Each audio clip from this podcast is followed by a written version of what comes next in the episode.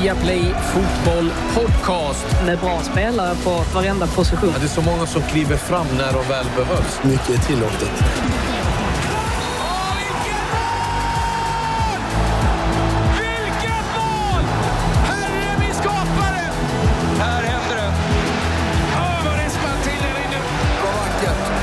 Det är bästa dagen på året. Det största som har hänt fotbollen någonsin i princip. Hjärtligt välkomna till premiären av Viaplay Fotboll Podcast där vi varje torsdag kommer ta ett rejält grepp om Premier League, Champions League och våra andra stora ligor. Det blir senaste nytt, snackisarna i England och så kommer vi kunna bjuda på exklusiva intervjuer med spelare och tränare ifrån Premier League. Med mig varje vecka från London, Sportbladets och nu vår flygande reporter Frida Fagerlund och i studion här eh, i Stockholm så har vi med oss Bojan Djordjic. Välkomna! Tack så mycket. Tack. Eh, Frida, ja, du kanske inte är så mycket flygande reporter just nu. Du är inlåst. Ja, i alla fall ett dygn till. Sen eh, kommer jag släppas ut i, den, i det fria igen efter eh, två veckors karantän här eftersom Sverige är rödlistat här i England. Ja, det är härligt att du får komma ut lite grann eh, framöver. Ja, vi har mycket att eh, bjuda på, bland annat det här. Vi har en intervju med Brightons assisterande tränare Björn Hamberg som hyllar Viktor Gyökeres. Vem vinner, vilka åker ur och vilken tränare får lämna först? Via Plays experter säger sitt.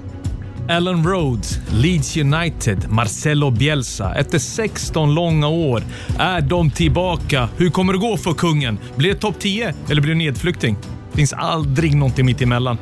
Nej, det finns en del att eh, fundera på med eh, Marcelo Bielsas eh, Leeds, men vi startar ändå i England och London.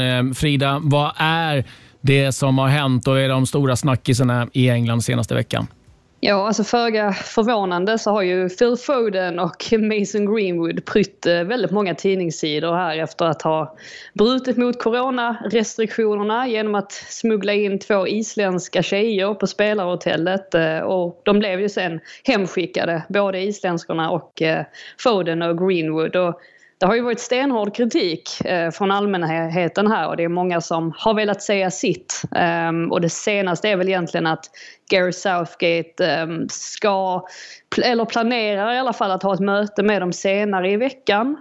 Um, och det mesta pekar mot att det, de inte kommer bli uttagna till nästa trupp som samlas i början av oktober. Ehm, I övrigt så var det en ganska så ljummen insats, insats sett över två matcher från Englands sida här under Nations League.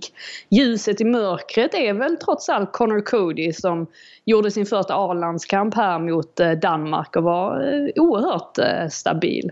Och det allra senaste, breaking news, är att Pierre-Emerick Aubameyang till slut ska ha skrivit på ett nytt kontrakt med Arsenal. Och det är ju David Ornstein som påstår detta och den mannen, han har ju sällan fel så vi kan nog räkna hem den här.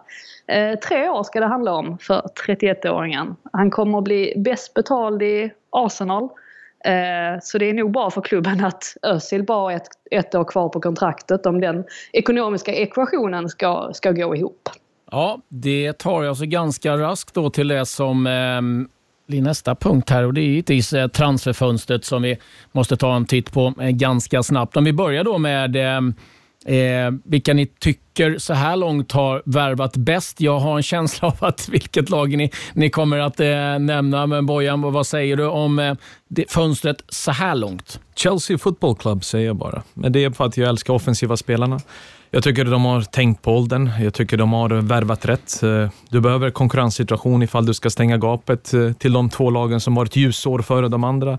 Då syftar jag på City och Liverpool såklart med Timo Werner, Kai Havertz och Ziyech. Det är min favorit. Det är små pengar. Det är kaffepengar de köpte honom från Ajax, så han kommer tillföra mycket när han utgår från den här högerkanten. Han kommer anpassa sig till Premier League, lika enkelt som Red Mahrez gjorde när han var i Leicester och sen vidare till City. Ska väl säga det att eh, Ziyech är skadad, eh, liksom eh, Chilwell, och ser ut att missa första matchen då mot eh, Brighton. Man har ju även Malang Sarr som man har tagit in, eh, Thiago Silva. Det är också snack om att eh, Mendy, målvakt i Rennes, är ganska nära. Är du också imponerad av eh, Chelseas fönster, Frida? Ja, nej men självklart. Um, de har väl egentligen gjort det det blev ju nästan ännu bättre för deras del än vad som var tanken från början. För att alltså redan innan det här eh, registreringsförbudet eh, kom så hade man planerat att gå all in under 2020. Ehm, pandemin har ju satt många käppar i hjulen för andra klubbar men för Chelseas del så föll det ju, föll ju väl ut eftersom att de har haft betydligt mindre konkurrens Eh, på transfermarknaden än vad de vanligtvis eh, skulle ha haft. Inte minst då när det gäller Kai Havertz exempelvis. Så tycker väl att man borde eh, ägna en liten tanke åt Marina Granovskaja som är väl lite den här eh, ja, alltså den, den, skickliga förhandlaren som trots allt har sett till att inte bara att klubben har köpt in de här stjärnorna utan att, att de även har lyckats bli av med spelare eh, och därmed fått in pengar för dem och, och således har kunnat eh, köpa in nya. Så att eh, en liten, liten hyllning till henne eh, och Chelsea, ja, det är, de har inte många, många ursäkter nu eh, kommande säsong i alla fall eh, att lyckas eller i alla fall att minska gapet där till Liverpool och Manchester City. Det är som du är inne på, det är otroligt. De har sålt för 269,7 miljoner eh, euro och eh, köpt för 268, mm. så de ligger till och med plus så här långt. Det är oh, en miljon pund. Oof. Ja, ju, ja, precis. Oof, Klasse. Mycket för Chelsea det där. Ja, det är, fick pengar för, för någon. Eh, det blir väldigt intressant att följa givetvis. Och det som vi också vet det medföljer en del press på Frank Lampard. Det kommer inte att nöja sig med att bara ta en Eh, en Champions League-plats, utan eh, nu eh, så ökar givetvis trycket på honom. Tittar vi övrigt så måste man ändå någonstans lyfta fram Everton och deras fönster också med James Rodriguez, Allan och Ducoré. Man pratar om att det kan bli ett lån också av Tomori från Chelsea. Det är en imponerande värvningslista han har. Jag älskar Ducoré, mm. först och främst. Det var den enda spelaren i Watford som jag tänkte, okej, okay, den här killen måste gå till någonting större, någonting bättre de ytorna han täcker, eh, den kvaliteten han besitter, djupledslöpningarna, hur han täcker upp, vinner bollar. Han behövs i Everton. För när de spelade med Tom Davis, André Gomes och Sigurdsson, som jag tyckte var under all kritik slutet på förra säsongen, de blev så statiska, stillastående. De hade ingen som tog de här djupledslöpningarna med kvalitet, som gav understöd, men ändå kunde lyckas gå tillbaka till den här trean. Nu har Ancelotti ett vapen och det var väldigt smart och de har inte spenderat så pass mycket heller, vad egentligen jag trodde Dokore skulle kosta kosta. Det hjälpte ju såklart att Watford åka ut, men med honom så tror jag de kommer bli betydligt starkare och bättre och Allan kommer anpassa sig riktigt bra. Allan gillar ju duellspel. Han gillar att gå in i dueller och fördela dem till en André Gomes, förhoppningsvis skadefri, fit, som kan fördela de bollarna vidare. Men jag tror att James Rodriguez kommer bli en floppklass. Mm.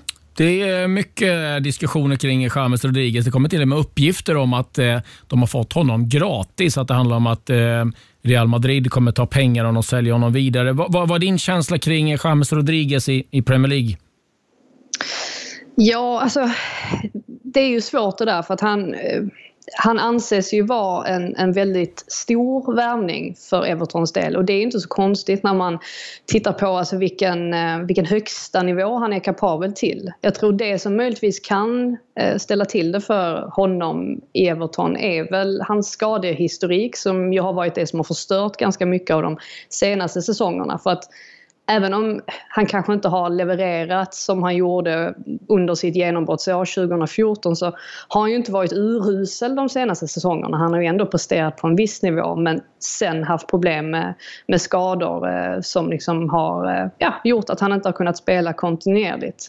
Um, men jag är, jag är lite med Bojan där. Jag är också lite försiktigt optimistisk kring honom. Jag är egentligen betydligt mer exalterad över värvning av Allan eftersom att den känns som en sån position som där Everton verkligen har behövt få in en ny spelare. Det har liksom varit ett för stort tomrum efter eh, Idrissa Gueye.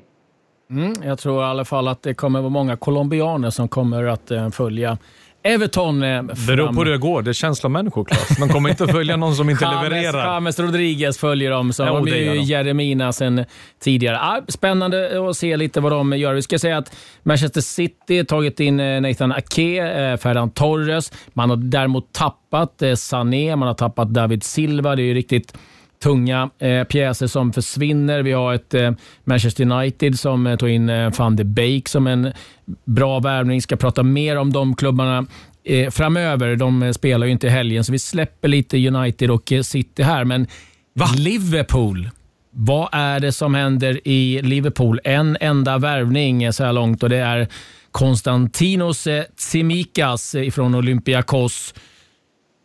Del frågetecken kring här Liverpool här. Men jag tänkte swisha dem 50 miljoner kronor för Thiago. Jag var nära på det. Snälla, sluta snåla. Ta bort åldern, ta bort skadehistoriken. Killen är en bollbegåvning. Det är ett geni. Få honom på rätt spår, så har du alternativ på mittfältet som kan göra någonting annat. Som kan bryta den här första pressen, som ger en annan dimension. Ska det handla om 30 miljoner och du erbjuder 25? Men snälla, sluta nu Liverpool. Ni har de pengarna, 50 miljoner kronor. Jag tror Liverpool-supportrarna i Sverige kommer göra en Swish-insamling snart för att få in honom. Och Det är ett namn de behöver som ett alternativ till de övriga som är hårt arbetande, men är inte lika skickliga för att lösa den här första pressen. Bojan, har du 50 miljoner kronor? Sådär, ja, jag liksom, tänkte också det. Vad tror ni? Vi kan börja swisha till oss Vad tror också. ni? Därför är jag inte med varje vecka i den här podden.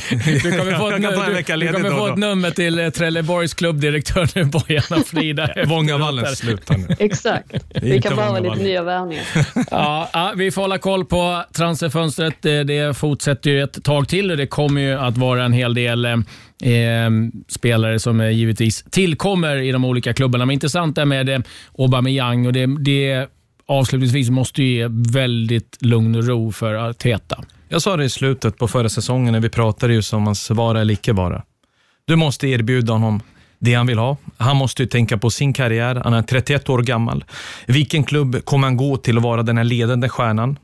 Inte många ute i Europa, även om det är större klubbar än Arsenal i bättre position som skulle vara intresserade såklart av en skyttekung. I Arsenal är lagkapten. I Arsenal kommer han må bra. Och speciellt efter Artetas intåg så tror jag att hans beslut blev betydligt enklare att ta. Ett beslut som gör så att det är han som leder det här laget. Det är han som är den klart lysande stjärnan och det mår han bra av. Tre år till, avsluta karriären på topp, var en klubblegendar och fortsätta att leverera. Ganska enkelt för min del. Vi, ja, förlåt Frida. Äh, förlåt, alltså, men det har ju funnits vissa frågetecken kring det här, alltså kring hans ålder. Ehm, och också egentligen kring hans, alltså hur professionell han är, alltså Aubameyang då. Ehm, men jag vet att Arteta själv var lite överraskad när han kom in över eh, hur pass professionell Aubameyang är. Och tack vare att han är detta så är inte åldern ett så stort problem utan ehm, de flesta som jobbar kring Arsenal tror liksom att eh, han kommer kunna hålla sig på en väldigt, väldigt hög nivå eh, trots att det här kontraktet då sträcker sig över tre år. Eh, att han fortfarande kommer kunna vara med och ja, slåss om skytteligasegrar. Och det ser vi ju inte minst på Jamie Vardy också som liksom, han springer som om han vore 18 år trots att, vad är han, 33 år nu idag. Så att, eh, nej, alltså givetvis eh, otroligt viktigt för, för Arsenals del att få det klart. Ja, på tal om skytterkungar så har vi bett våra experter som kommer vara med här eh, i podden. Eh, det är eh, förutom Bojan då, vi har Glenn Strömberg, vi har Pontus Kåmark, Jonas Olsson och eh, Martin Åslund som kommer att eh, gästa oss eh, under eh, den här eh, säsongen och eh, ge sina tankar och funderingar kring eh, ligorna runt om i Europa. Och jag bad dem att eh, tippa topp fyra, vilka som åker ur, vem som blir skyttekung och vilka tränare som får lämna. Och eh, En liten sammanställning av de där så är det fyra stycken som eh, tror på de här topp fyra lagen. Eh, inte helt överraskande. Det är Liverpool, Manchester City, Manchester United, Chelsea. Vi har en som tror på Arsenal istället för Manchester United. Nedflyttning, ja då är det fyra som tror på West Bromwich Albion, Fulham, Aston Villa och vi har en som tror på Brighton istället för West Bromwich. Kan gissa vem det är som inte tror att West Bromwich åker ur. Eh, skyttekung, Harry Kane, två röster. Aubameyang, två stycken. Och eh, Rashford har fått en. Tränare att lämna, då är det Dean Smith som är favorit. Vi har även en röst på Slaven Bilic och eh, David Moyes. Ja, Frida, vad, vad, vad, vad är din känsla när du hör de här tipsen? Nej, men det är, väl, ehm, det är väl i princip så allas tips kommer att se ut i stort sett. Ehm, jag håller väl inte med Jonas Olsson som jag får anta att det är eh, om att Brighton skulle åka ur. Eh, jag hoppas inte det i alla fall. Ehm, men däremot fick jag en känsla av att Burnley nog kan ligga riset på det. Dra lite paralleller till Bournemouth och Eddie Howe som hade varit där under väldigt lång tid och helt plötsligt så stämde ingenting längre. Kanske är det Sean Dyches tid. Kanske är, är den kommen, jag vet inte. Um, så jag tror jag lutar mer åt Burnley, Aston Villa och Fulham och att West Bromwich kanske möjligtvis klarar sig kvar. Men det kanske jag får äta upp, jag vet inte. Det spelar ingen roll. Jag har ätit upp många saker under de här åren Frida. Det är ingen fara. Hoppa på mitt tåg. Ja men det gör jag då. Och för, förneka alla tips sen där, det har inte jag Nej, sagt. men jag vill inte egentligen att West Brom ska åka ut. Jag älskar Slaven Bilic. Och så har de en fantastisk spelare, Mateus Pereira. Den kommer ju folk som inte följt Championship verkligen att älska. Såklart hade det ett stort steg från Championship upp till Premier League, men det är en 24-25-åring brasse som de tog in från Sporting. Han var på lån förra året. Åtta mål, 16 assist. Han har en gudomlig vänsterfot och kommer vara väldigt attraktiv för många större klubbar än West Bromwich när den här säsongen är förbi. Det vågar jag sticka ut hakan. Jag har en liten gnagande oroskänsla för ehm, eh, Roy Hodgson och, och Crystal Palace. Det är liksom ett ganska ålderstiget lag. Man har fått in Esse som är ung, men det känns ju som att det är en spelare som man köpte in för att ersätta Zaha. Man inte riktigt vet var han ska ta vägen. Men han, han var inne på det i fjol, att hans spelartrupp är inte byggd för att spela så tätt och så ofta. Det är mycket skador, det är en ganska gammal trupp och det, är det någonting som det kommer vara mycket av så kommer det vara mycket matcher. Och mm, ja, men inte få in någonting där så är jag lite orolig för Palace. Det blir man nästan alltid, Claes, men samtidigt när jag kollar igenom Fulhams trupp. West Brom, eh, spelarmaterialet Aston Villa har, om inte Grealish bär dem på sina axlar och vi har fortfarande tre veckor kvar på transferfönstret, så tror jag de ligger ännu risigare till vad Palace gör. Palace åtminstone har en tyngd, en erfarenhet där de kan gräva fram resultat när de behöver det. Så att jag tror ändå att Crystal Palace kommer klara sig, att vi kommer se sånger på Sellers Park säsongen 21-22. Tränare som får lämna. Frida, vad går ditt tips? Ja, det vore ju väldigt enkelt att gå till David Moyes eftersom att de har ett fullständigt mardrömsschema här inledningsvis eh, efter Newcastle-matchen. Eh, men jag, eh, jag tror nog faktiskt att Dean Smith blir den som får gå. Han fick väldigt mycket kritik under våren och egentligen under sommaren också trots att de klarade sig kvar för att han, han verkade oförmögen att täta till deras försvar. Så jag säger faktiskt, jag säger Dean Smith. Mm. Det börjar sippra ut en del eh, kring Burnley och det handlar inte om att han ska få sparken, Sean Dyche, men att han är väldigt missnöjd med eh, ledningen och de eh, värvningarna som har uteblivit. Det är väl så vi får, får säga. Får vi se. Det kan vara så att det, det, det pratas väl i England en del om att han kan vara en tränare som själv väljer att lämna Burnley. Vi får se. Vi får hålla utkik på det och vi ska hålla eh, koll på de här tipsen också allt eftersom. Men vi ska också säga det att de här tipsen är gjorda med vetskapen att hur trupperna ser ut just nu. De eh, kan ju onekligen eh, förändras eh, allt eftersom fram till att fönstret stänger. Nu ska vi få lyssna på Brightons assisterande tränare Björn Hamberg som jag fick en pratstund med inför deras säsongspremiär mot Chelsea. Spelmässigt, vad har ni jobbat med? Eh, försökt egentligen mycket.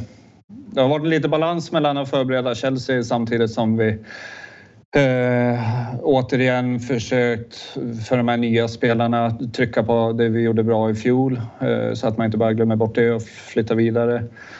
Sen eh, har vi väl såklart kollat på lite delar där vi känner att vi kan utveckla och eh, I slutändan så har vi sagt att kan vi kan vi ändra 1-1 matcherna till 1-0 vinster eller 2-1 vinster så jag slipar lite grann klassiskt försvarsspel och eh, hur vi kan bli lite eh, bättre framför kassen egentligen. Nu när du liksom haft ett år och mött alla lagen två gånger, liksom, eh, vad är din känsla? Var det, var det bättre än du trodde eller var det liksom sämre än du trodde? Var, var liksom, nu, nu har det här bagaget och upplevt allting eh, kring liksom dels rent taktiskt hur lagen är, hur, de, eh, hur bra de är och mm, eh, arenaupplevelser. Uh, Nej, jag skulle nog säga att det är bättre. Uh, Eh, främst på det sättet att man märker, även, även om vi är lilla Brighton, så hur skicklig motståndarna också är på att anpassa sig efter, efter våra styrkor. Och vi, vi startar ju väldigt bra, men samtidigt så var vi ju liksom en ny tränare och ett nytt spelsätt. Och, uh, jag gissar väl att många skulle se Brighton som den här trepoängen där, man, där de ska in mot Brighton helst. Och, men eh, rätt snabbt såg man väl att det där skiftade hos motståndarna och att Eh, en poäng mot Brighton kanske inte är så dumt om man spelar bort och tog en ny approach som eh, kanske gav oss mer problem än vad vi hade hoppats kan man väl säga runt jul där och fram till februari kanske eller fram till lockdown.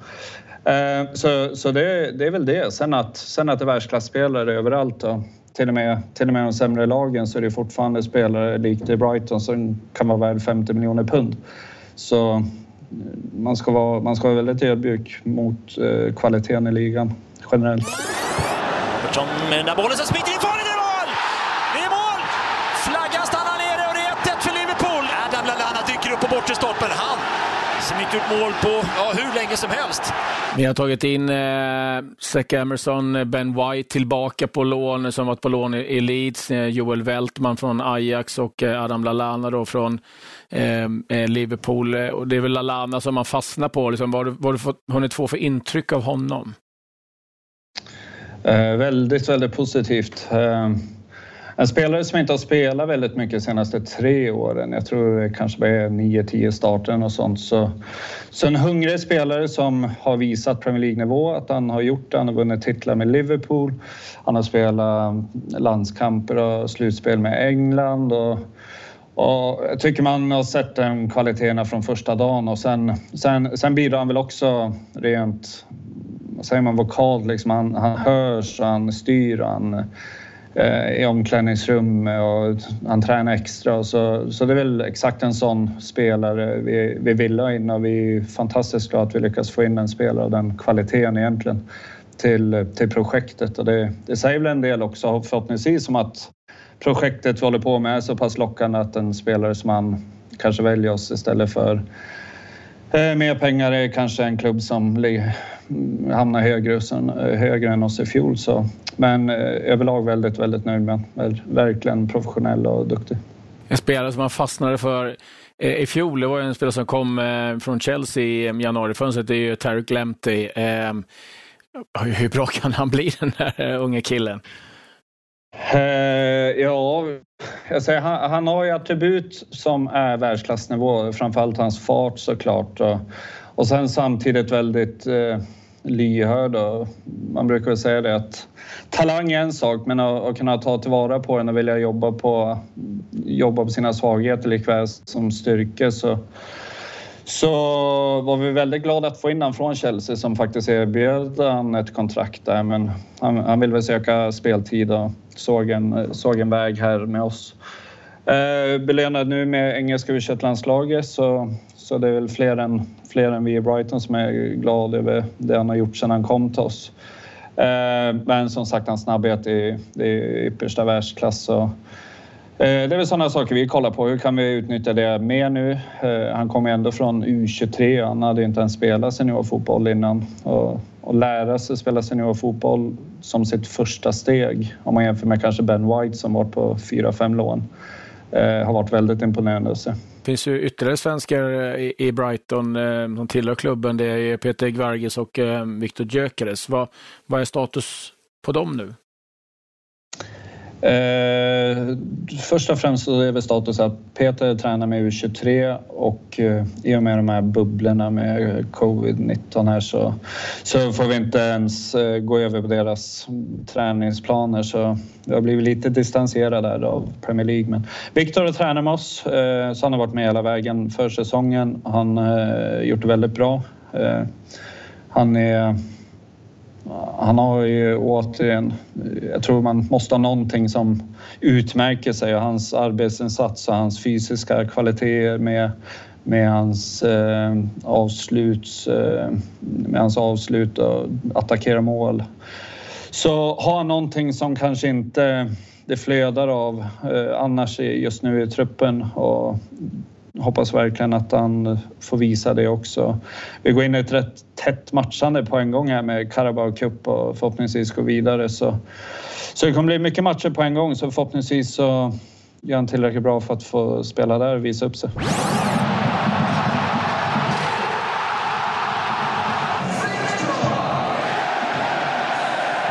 Alltså det är, som det är nu då, för det vet att det pratas om att São Paulo var intresserad av att ta tillbaka honom, men som det är nu så ser det ut som att han blir kvar i Brighton i varje fall.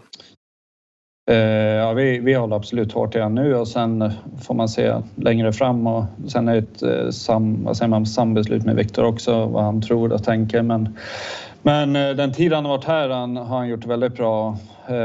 Jag pratade med honom senast här för en kvart sedan. Han var på väg hem från U21. Så, så det, är kul, det är kul för en annan och en svensk i närheten. Men han, han eh, har en stor framtid. Mötet mellan Brighton och Chelsea som vi följer. Hög boll in. Danke där. Och så en cykelfärd!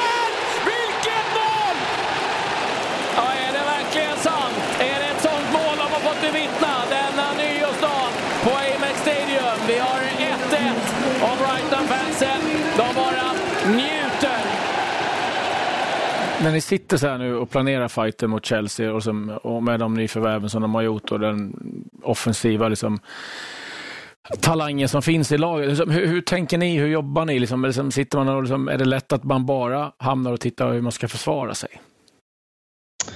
Eh, nej, sen det är väl alltid en mix av det där. Och det, så är det inte. Det är väl snarare att förstå på den här nivån också. Det är mycket liksom, vad kan man hitta för svagheter i just den spelaren? Kanske också lika mycket att han kanske hellre går framåt en halv meter och hittar man tillräckligt många klipp där han tjuvar lite så är det det man försöker sälja in. Så för, för ärlighetens namn, när, när man möter de bästa lagen måste man ha respekt att eh, löne, lönekontot säger att de också är bättre fotbollsspelare ofta. Eh, men eh, men, men det, är, det är väl ingen skillnad egentligen mot Chelsea och eh, något annat lag för tillfället. Jag tror alla nu med den här nystarten, tre veckors uppehåll och allt vad det är. Så första matcherna, jag tror många lag, inklusive oss egentligen, är att försöka sätta det man själv vill göra och sen får man egentligen se de här första matcherna som något sätt att växla upp, skulle jag snarare säga, inklusive, inklusive Chelsea. Björn Hamberg, assisterande tränare i Brighton, eh, kommer att eh, återkomma lite eh, fler gånger i Viaplay Fotboll podcast. Och Bojan, glädjande med Viktor Gyökeres. Det var ju känslan att han skulle skickas iväg på lån igen. Jag tror även Viktor själv vill ju spela. När man känner på seniorfotboll, när man är delaktig i någonting, oavsett om man startar eller kommer in från bänken, då vill man ha mer av den varan. Brighton, det är tufft Premier League att slå sig in i den offensiva kvartetten som de har och eh, lönebudgeterna var själv inne på det. Jag tror inte Brighton heller har råd att eh, bänka kvalitet framför att ge Viktor chansen och Viktor i samspråk med hans agent måste ta ett beslut nu innan transferfönstret sänker. Vad, vad vill jag göra? Såklart att de vill hålla hårt i honom, men de måste också genom möjligheten. När han är så pass ung så behöver man speltid. Jag var inte alltid den som eh, tog de rätta besluten, men om jag kunde gå tillbaka, då hade man nog funderat på att spela mer än att vara delaktig i en klubb som har ett bättre namn, men man själv tappar i kvalitet. Talang kan du bara leva på så pass långt. Talang är bra på att lura folk som har den, men hårda arbetet måste också vara där och det har ju Viktor. Men samtidigt behöver han hitta en klubb där han spelar vecka in vecka ut. Det är skönt som spelare att sätta sig ner i soffan och kolla på en tabell i en klubban är delaktig i. Istället för att sitta på och eh, njuta av när Chelsea gästar, United gästar Arsenal och så sitter man sin familj på läktaren. Frida, du har ju ehm, träffat eh, Potter en hel del också. Vad, vad, vad har du för känsla när du hör eh, Björn prata om att de är väldigt nöjda och eh, ser ut att vilja behålla Gyökeres? Ja, nej, men det känns ju um, såklart lovande. Alltså, vi vet ju allihopa, eller vi svenskar vet i alla fall att Graham Potter är väldigt duktig på att utveckla talanger och att liksom slipa oslipade diamanter som kanske andra klubbar inte vill ha. Ehm, så att det ser ju liksom ljust ut eh, för hans del på, på den punkten. I övrigt så är ju Brighton, alltså jag får det intrycket och Potter ehm, sa väl också det att det är en väldigt eh, sunt styrd eh, klubb. Och han sa själv det att eh, man kan ju räkna på en hand hur många klubbar som eh, man kan säga det om idag. Eh, men att just den här alltså transferstrategin, sättet de plockar spelare, inte minst då Adam Lallana och Tariq Lamptey också. Att, ehm, att de har någonting riktigt bra på gång. Så att ehm, jag tror inte att det är helt omöjligt att den här visionen om att slå sig in på topp 10, ehm, att den kommer ske så småningom. Ja, det är det de har sagt att det är klubbens målsättning. Det är ju Tony Bloom som eh, eh, äger klubben en gammal pokerspelare. Var det Tony Blom som sa att de skulle upp på topp 10? Ja, framöver. Var han inte, ute på inte i puben år. söndag? Inte i han år. sa det på en måndag att han varit på puben en söndag. Alltså, Långsiktigt. Långsiktigt. Han inte i år. långsiktigt nu för tiden. Nej. I fotboll långsiktigt, det är sex månader. Överlever man sex månader, då man ska man vara glad. Vad tror du om Brighton nästkommande säsong då? Ja, de kommer klara sig, men eh, de kommer inte vara uppe i topp 10. Jag tror de kommer härva där nere. Eh, De spelar en eh, fin fotboll som är väldigt fin för ögat att se och njuta av, men samtidigt måste resultaten in. De måste förvandla kryssen till segrar. De vet ju själva var de ligger, men jag tycker att det är väldigt skönt för Graham Potter och Björn att få lugn och ro. Och när han ser att det är en sund styrförening, då vet han att han tar ju besluten. Folk lyssnar, de kan ha en dialog, diskussion. Det är ingen press eller stress. Så det var viktigt med den typen av fotbollen, att förändra allt efter Chris Houghton Eh, gick, även om han också klarade dem kvar, att de ser en utveckling på sina spelare. Att det är roligare för dem, att folk väljer Brighton på grund av den typen av fotboll de spelar. Hade Chris fortfarande varit där så tror jag inte att Adam hade valt Brighton, men han väljer för Graham Potter och hans vision, vilket är glädjande nog. Och Lalana blir en skadefri så blir han ett tillskott. För det är fortfarande Brighton vi pratar om, inte Liverpool längre. Det är stor skillnad på de klubbarna. Och har ni inte sett Tarek Lamptey spela så är det verkligen spelare Filmar att, mycket också, eh, Lamptey. Han gillar att slänga sig, Lamptey, men han är duktig. Jag älskar att han på träningar satt han mot Dan Burn som är typ två meter lång. Och Två, Lamptey- han är minst fyra. Och för att eh, tuffa till honom lite grann. Men Dan eh, Burn. U21-landslag nu. Ska säga att de eh, möter ju Chelsea i eh, premiären. Det blev 1-1 i fjol på Amex. Då med publik, nu utan. Mm, Vad är din känsla inför den matchen där, Frida? Jag vet inte riktigt. Ehm, jag vill inte dra klyschan, en premiär är alltid en premiär, men det är ju Du lite gör på sin det ändå. plats ändå. Du kommer dit. Ja, men jag landar lite där för att eh, jag har ingen som helst aning om hur det här kommer att sluta. Jag tror i och för sig att en nyckel för Brighton både i den här matchen och sett över hela säsongen kommer att bli försvaret. Ehm, Potter kommer väl antagligen använda sig lite mer av ett trebackssystem. Eh, och det är tre riktigt bra backar de har där bak i så fall. Alltså med, med Webster, eh, Louis Dunk och Ben White inte minst då som man är väldigt spänd på att få se efter hans fina eh, säsong i, i Championship. Um, så att um, nej, jag vill nästan inte, jag vill nästan inte svara på det. Kryss. Chelsea Ett kryss, ett kryss två. Eh, Ett kryss två, helgarderat. Vi ska ju säga det att eh, Hamberg var tydlig med att det är ju inte topp 10 i år som gäller utan det är överlevnad som är Jag skojade, det viktiga. Jag vet, jag vet, jag vet. det. Men eh, vi har ju vi har fler matcher vi ska hålla koll på ifrån Premier League.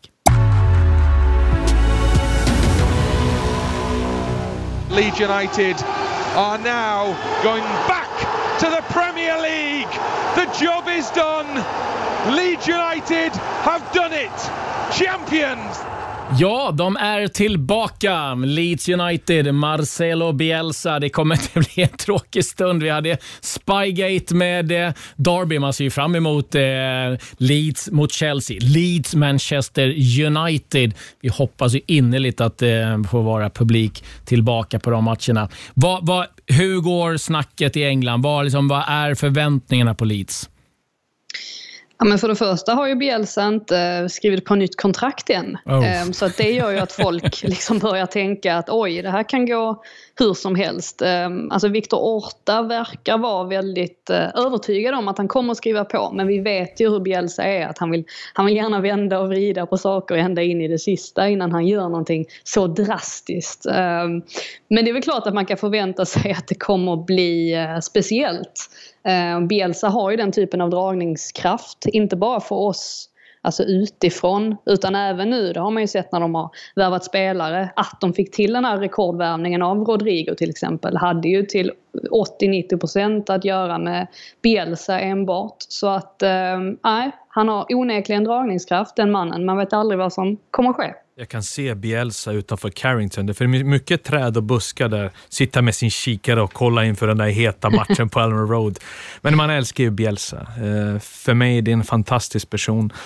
En man som älskar fotboll mer än livet nästan, så känns det. Att hela tiden hitta den här drivkraften.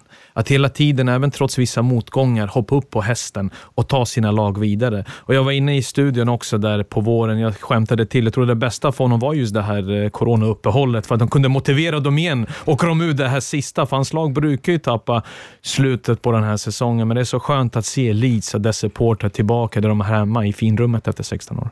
En liten detalj om hur han är som både tränare och person, det är ju nu när Calvin Phillips eh, fick eh, sin eh, eh, uppkallelse till eh, engelska landslaget. Då gav han honom en signerad eh, tröja som en replika från Newell Old Boys som han då eh, spelade i och ett brev till eh, eh, eh Calvin Phillips där han liksom eh, lyfte fram honom och hyllade honom. Och, på frågan då vad han skulle göra med sin landslagströja, då sa Phillips att den ska jag signa och ge till Marcelo Bielsa. Det säger ju en del om vilken otrolig vilket band det finns mellan spelarna och Bielsa. Hur kan du hata eller ogilla en man som går runt med sin träningsoverall på Tesco's och handlar? Så Leeds United, ingen vet vem jag är. Jag går in och handlar lite bröd och mjölk här. Det är lugnt. Men Steve bra värvning. Men Steve Bruce köper ju kebab Men börja inte nu. Vi pratar om Bielsa, Claes. Du förstör min stämning nu. Kom igen nu. Jag är precis inne i det här nu, den här podden. Nej, men det är också ett väldigt smart val också att gå efter Rodrigo. Även om mm. Bamford, skyttekungen förra året, gjorde 16 mål, missade knappt en match. Jag tror han startade 43 utav 46 möjliga. Men det är en kille som tar det upp från Championship till Premier League. Vi har sett många misslyckas, sådana som Jordan Rhodes, Conor Wickham, Dwight Gale och den typen och den gruppen anser jag Bamford vara i. Och Rodrigo har erfarenheten, har spelat de större matcherna och är kanske den spelartypen som behövs. Medan Bamford får starta, men också vara en bra inhoppare för Bielsas. Det är hans lagbygge. Helde Kostar, Robin Koch, en eh, försvarare från. Freiburg, har hämtat in också. Vi som har följt Bundesliga vet att det är en eh, ganska skicklig eh, spelare som inte kanske är den som man hajar till direkt på. Det är det, men om jag går in, jag tappade lite en spelare, att det är synd att Pablo Hernandez inte fick chansen i Premier League lite tidigare. Mm. Han får chansen nu, han är, redan, han är 35 år gammal. Har varit så bra i Leeds. Den här spelartypen som Bielsa älskar. Poängspelaren som de behöver. Så det ska också vara skönt att se honom på den stora scenen igen. Hur mycket har England längtat efter Leeds? Ja, det är nog lite tudelat beroende på vem du frågar. Eh, nej, men det är väl klart att Leeds med, med all den eh, traditionen, alltså antalet supportrar. Det är väl klart att man eh, gärna vill ha en sån klubb i den högsta serien. Och just eftersom att det har, det har ju varit lite som en såpopera där de senaste 16 åren. Att det är ju så mycket som har gått snett fram tills det ja, det började gå bra där med Bielsa och det var väl egentligen när Andrea Radrizzani kom in och tog över. Um, vi minns väl kanske Mas Massimo Celino. Um, ehm, han är nog inte så saknad i Leeds men uh, han var ju rätt så intressant att följa uh, som utomstående med alla sina galna upptåg och sådär. Men de har ju äntligen fått saker och ting på plats. Um, och det är väl därför också man vågar tro att de kommer stanna kvar eller hålla sig uppe uh, i Premier League League eh, och etablera sig som, som ett, ja, men som, som ett eh, lag i Premier League långsiktigt sett. 18.30 på lördag så är det då premiär för deras del. Tuffast möjliga Liverpool på Anfield. Skönaste möjliga start för en nykomling. Att ta sig an mästarna eh, på Anfield. Det fick Norwich uppleva förra året och de gjorde en helt godkänd insats trots att Liverpool, ja, stort sett om man kollar på resultatet, mosade dem. Men så var det inte. Jag tycker Leeds är bättre utrustade än vad Norwich är. Bielsa en, en bättre taktiker, en smartare tränare. Så jag tycker att det är skönt för honom att motivera sin trupp så här i inledning och städa av Liverpool i början. Är ni oroliga för Liverpool? Nej, det är jag aldrig. Att de har Jörgen Klopp vid rodret den mättnaden, han blir ju aldrig mätt. Han är ju hungrig hela tiden. Jag pratade om de här eh, ligatitlarna. United är på 20, Liverpool är på 19. Jag tror det är också någonting han också trycker på och ska han värva in spelare som ska de passa perfekt i det här lagbygget. Han vill inte bara värva för att värva spelare för att det ska se bra utåt, utan han vill behålla den här truppen i takt, den här lagsammanhållningen och ska någon komma in ska den personen leverera och vara bättre än vad de har i nuvarande trupp. Det finns många ynglingar. Vi får se Minamino med en säsong under vingarna. Om man tar de här kliven framåt. Så att det är väldigt intressant, men jag tror att de kommer ro hem Thiago. Kommer Thiago in där så är jag inte alls orolig för Jürgen Klopp och Liverpool att de kommer vara där uppe och fighta som en ny ligatitel. Leeds, blir det ett nytt Norwich eller blir det ett nytt Sheffield United? Redan. Eh, Rädda ja. mig! Ja men alltså det är som sagt, alltså med tanke, ska man jämföra med de andra klubbarna som man eh, tänker kommer landa där nere i, i tabellen så borde väl Leeds vara bättre. Å andra sidan så Norwich rent spelmässigt och om man ser till alltså, att de hade ändå ett par spelare som eh, jo absolut liksom håller eh, Premier League-nivå eh, och ändå landade där de landade. Eh, just eftersom att de var lite för naiva. Jag tror väl kanske inte att Leeds kommer vara så naiva under Bielsa. Eh, jag tror i alla fall att de kommer gå bra inledningsvis. Kanske tappa lite mot slutet. Eh, men det är så det brukar se ut. Eh, och inte minst nu eftersom att det är så, så tätt matchande. Mm, 18.30 alltså um, premiärmatch för Leeds mot Liverpool. Ni ser ju allting på Viaplay. Ny säsong. Det innebär nya regler och eh, nya instruktioner för domarna. Jag eh, tog kontakt med Jonas Eriksson för att höra vilka regler som är de nya inför den här säsongen. Ja, Jonas. Eh, ny säsong och då brukar det vara en del eh, nya regler som eh, kommer i kraft. Eh, hur ser det ut inför den här säsongen? Det har gjorts en del förändringar. Man märker att man hittar hål i regelboken, eh, situationer som har inträffat. Man anpassar regelboken lite grann efter var. Det dyker upp nya frågeställningar som man måste anpassa och skriva om den här regelboken så den eh, är uppdaterad på rätt sätt. Vilka är de stora ändringarna som vi som sitter vid sidan av ska ha koll på? Ja, den här Hansen som alltid diskuteras så är det ju klargjort nu exakt var bollen måste träffa för att det ska kunna vara hans. Och det är alltså gränsen mellan armen och axeln, skuldran, eh, armhålans botten säger man. Tänk en kortärmad t-shirt. träffar den på den kortärmade t-shirten, då är det okej. Och träffar den nedanför den kortärmade t-shirten, ja då kan det vara straff. Samtidigt har vi kriterien att handen måste vara utanför kroppen, man måste vilja söka bollen, alltså avsiktligt. Men det finns i alla fall en fysisk definition och det är nytt sedan tidigare. Eh, kring hand har man också klargjort att om en spelare till exempel eh, får bollen i offside-position av en motspelare som spelar bollen med handen och det egentligen ska bestraffas för en hands så ska man inte blåsa av spelaren för offside utan spelaren ska få fortsätta anfallet eh, utifrån det faktum att han har fått den av handen av en motspelare så man ska inte tappa den fördelen helt enkelt. Eh, sen, sen tittar man lite grann kring lovande anfall. Eh, om domaren till exempel visar fördel för ett lovande anfall och låter spelet fortsätta så kan man inte gå tillbaka och dela ut varning nu. Utan då har man valt att spela på fördel och då kan man inte gå tillbaka en sån gång. Annars är det mest mindre ändringar kring straffsparks utförande, situationer som nästan aldrig inträffar. Till exempel den enkla att om eh, vid straffsparkstävlingen, om en målvakt och en straffsparksläggare bryter samtidigt mot reglerna, ja då blir det en varning på den som la straffen men straffen registreras som missad. Man har olika eh, disciplinära bestraffningar för dem. Vi vet ju att med Hansen i, i, i fjol så infördes ju det här med den offensiva Hansen, att de, eh, du får bollen på handen och eh, kan eh, då eh, få en målchans att göra mål så ska det liksom dömas bort för hands. Och det finns en del givetvis som är ganska klara men det var en del diffusa i uppbyggnaden. Är det någonting också som man har varit inne och, och, och tittat på? Mm, man har justerat den. Det är såklart inte tillåtet att oavsiktligt ta hand med bollen och i ett direkt läge passa fram bollen. Dels inte göra mål själv, men passa fram den till en medspelare som gör mål direkt efter. Nu har det preciserats att om jag till exempel på egen planhalva oavsiktligt tar bollen med handen, och det ska alltså inte bestraffas, och sen flyttas bollen via ett antal passningar upp och sen blir det mål, då ska målet godkännas. Man tittar hur långt bollen färdas och eller om det är flera passningar innan målet eller målchansen uppstår. Eh, det är alltså tidsrymden eller den geografiska fysiska förflyttningen som påverkar jämfört med tidigare. Och så har vi ju då VAR där det har skett en del stora förändringar och kanske framförallt vid sidan av. Ja, i somras i juli så gick Fifa, internationella förbundet, så att vi tar över all utveckling av videoassisterande domare. Det centraliseras under presidenten, eller domarkommitténs ordförande Pierluigi Colinas ledning.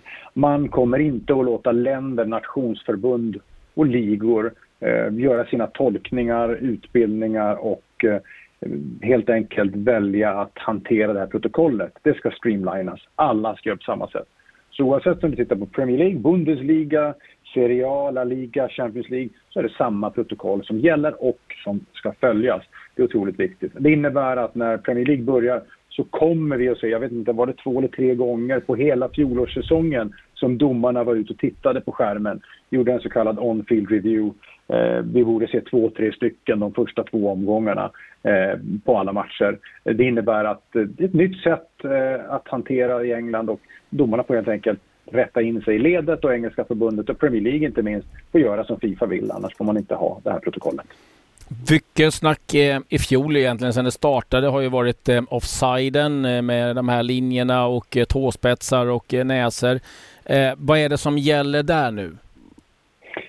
Ja, där gäller eh, exakt som tidigare. Eh, antingen är man offside eller också är man inte offside. Det vill säga, är man offside med nästippen, ja då är man fortfarande offside. Eh, man gör ingen differentiering att man är lite offside och lite offside är okej. Okay. Det innebär att vi kommer att ha samma situation, samma frustration, samma diskussion som tidigare. Vi kommer att få vänta ett bra tag innan man kan bedöma huruvida nästippen var på rätt sida eller inte. Eh, för där är Fifa stenhårda i sin tolkning och enligt protokollet. Man gör ingen differentiering överhuvudtaget kring offside. Det kommer att skapa irritation och kommer att skapa en frustration bland oss som sitter och ser på TV och inte minst spelarna på planen. Ja, vi kan nog ha alla anledningar att återkomma till Jonas eh, allt eftersom. Men en bra detalj eh, det är ju att det nu kommer vara i alla fall lika regler i alla ligor och att man även i Premier League går ut och tittar på skärmen. Halleluja, praise the Lord. Kom de på det nu? Hur många gånger satt vi där och tänkte, vänta nu, om ni har den möjligheten som de övriga gör. Vi pratade mest om Bundesliga och Tyskland. Som huvuddomare, jag hade själv velat gå ut där och med mina egna ögon se en situation som är misstänksam istället för att lita på de här grabbarna från Amsterdam i den här varbussen där borta. För de, de har inte haft rätt under den här säsongen. Det har varit katastrof att under sändningarna istället för att prata om det taktiska så pratar vi just om VAR i en kvart. Man måste ta tag i de situationerna, men det är inte därför vi sitter där hela tiden. Så att det är skönt att huvuddomarna har den möjligheten och de bör utnyttja den eftersom de hade valet själva att kunna utnyttja det, men valde att bortse från den skärmen. Frida, det är eh, bara en dag kvar för dig i karantän. Eh, jag höll på att fråga, det är massor med matcher att se fram emot. Vad längtar du mest efter när du ska Luft. släppas ut på grönbete? Ja, nej, men egentligen så längtar jag väldigt mycket till Brighton-Chelsea eftersom jag, jag planerar att gå på den matchen. Så det ser jag ju fram emot, att få komma ut lite och få ta tåget till ett ställe. För det har jag inte fått göra. På, Sex pers på, på tåget? Väldigt, ja, men precis. Exakt. Uh, har inte fått göra det på, på väldigt lång tid. Uh, men självklart så, så ser man, man ser ju fram emot Ja, det är så mycket, man, kan knappt, man vet knappt var man ska börja um, egentligen. Och visst, alltså Leeds-Liverpool är ju den här stora fighten. Men eh, jag är även jättespänd på att få se eh, Fulham och Arsenal. Um, så att ja, Tottenham-Everton sen på söndag är inte dålig den heller. Ancelotti mot Mourinho. Det är ingenting man tackar nej till. Nej, det finns att eh, kolla på. På lördag så öppnar Premier League-studion 13.00. Det är Fulham Arsenal. Sen har vi det är Crystal Palace Southampton, West Ham Newcastle, Liverpool Leeds. Det är på söndag. Då har vi bland annat West Bromwich mot eh, Leicester. Det är eh, West Ham Newcastle 21.00 på lördag. Yes, och sen Tottenham Everton. Ni ser alla matcher på Viaplay. Eh, det är september ut, eh, så sänds varenda match. Och ska säga det också att vi har 30 19 ligor att följa och eh, Champions League. Så det finns att eh, kika på. Arjen Robben tillbaka i Groningen gjorde sitt första mål för klubben sedan 2002 i en träningsfight. Möter PSV på söndag 16.40. Det är någonting att hålla koll på. Så har vi Michael S igen, numera assisterande tränare i Nordsjälland. Den ligan kan man också följa. Så det finns mycket att eh, kolla på på Viaplay och vi är tillbaka nästa torsdag. Då är det jag, Frida och Martin Åslund som eh, är med er. Och eh, Gå nu in och prenumerera på podden så får ni en notis om ett eh, nytt avsnitt som ligger ute. Ni hittar oss på I Like Radio där poddar finns och med det så säger vi egentligen tack och adjö va? Det gör vi. Frida är trött på oss två. Ja. ja, jag måste ta en paus nu. det, är, det, är, det är bara några avsnitt kvar. Ha det bra allihopa och eh, på återseende. Adjö, adjö.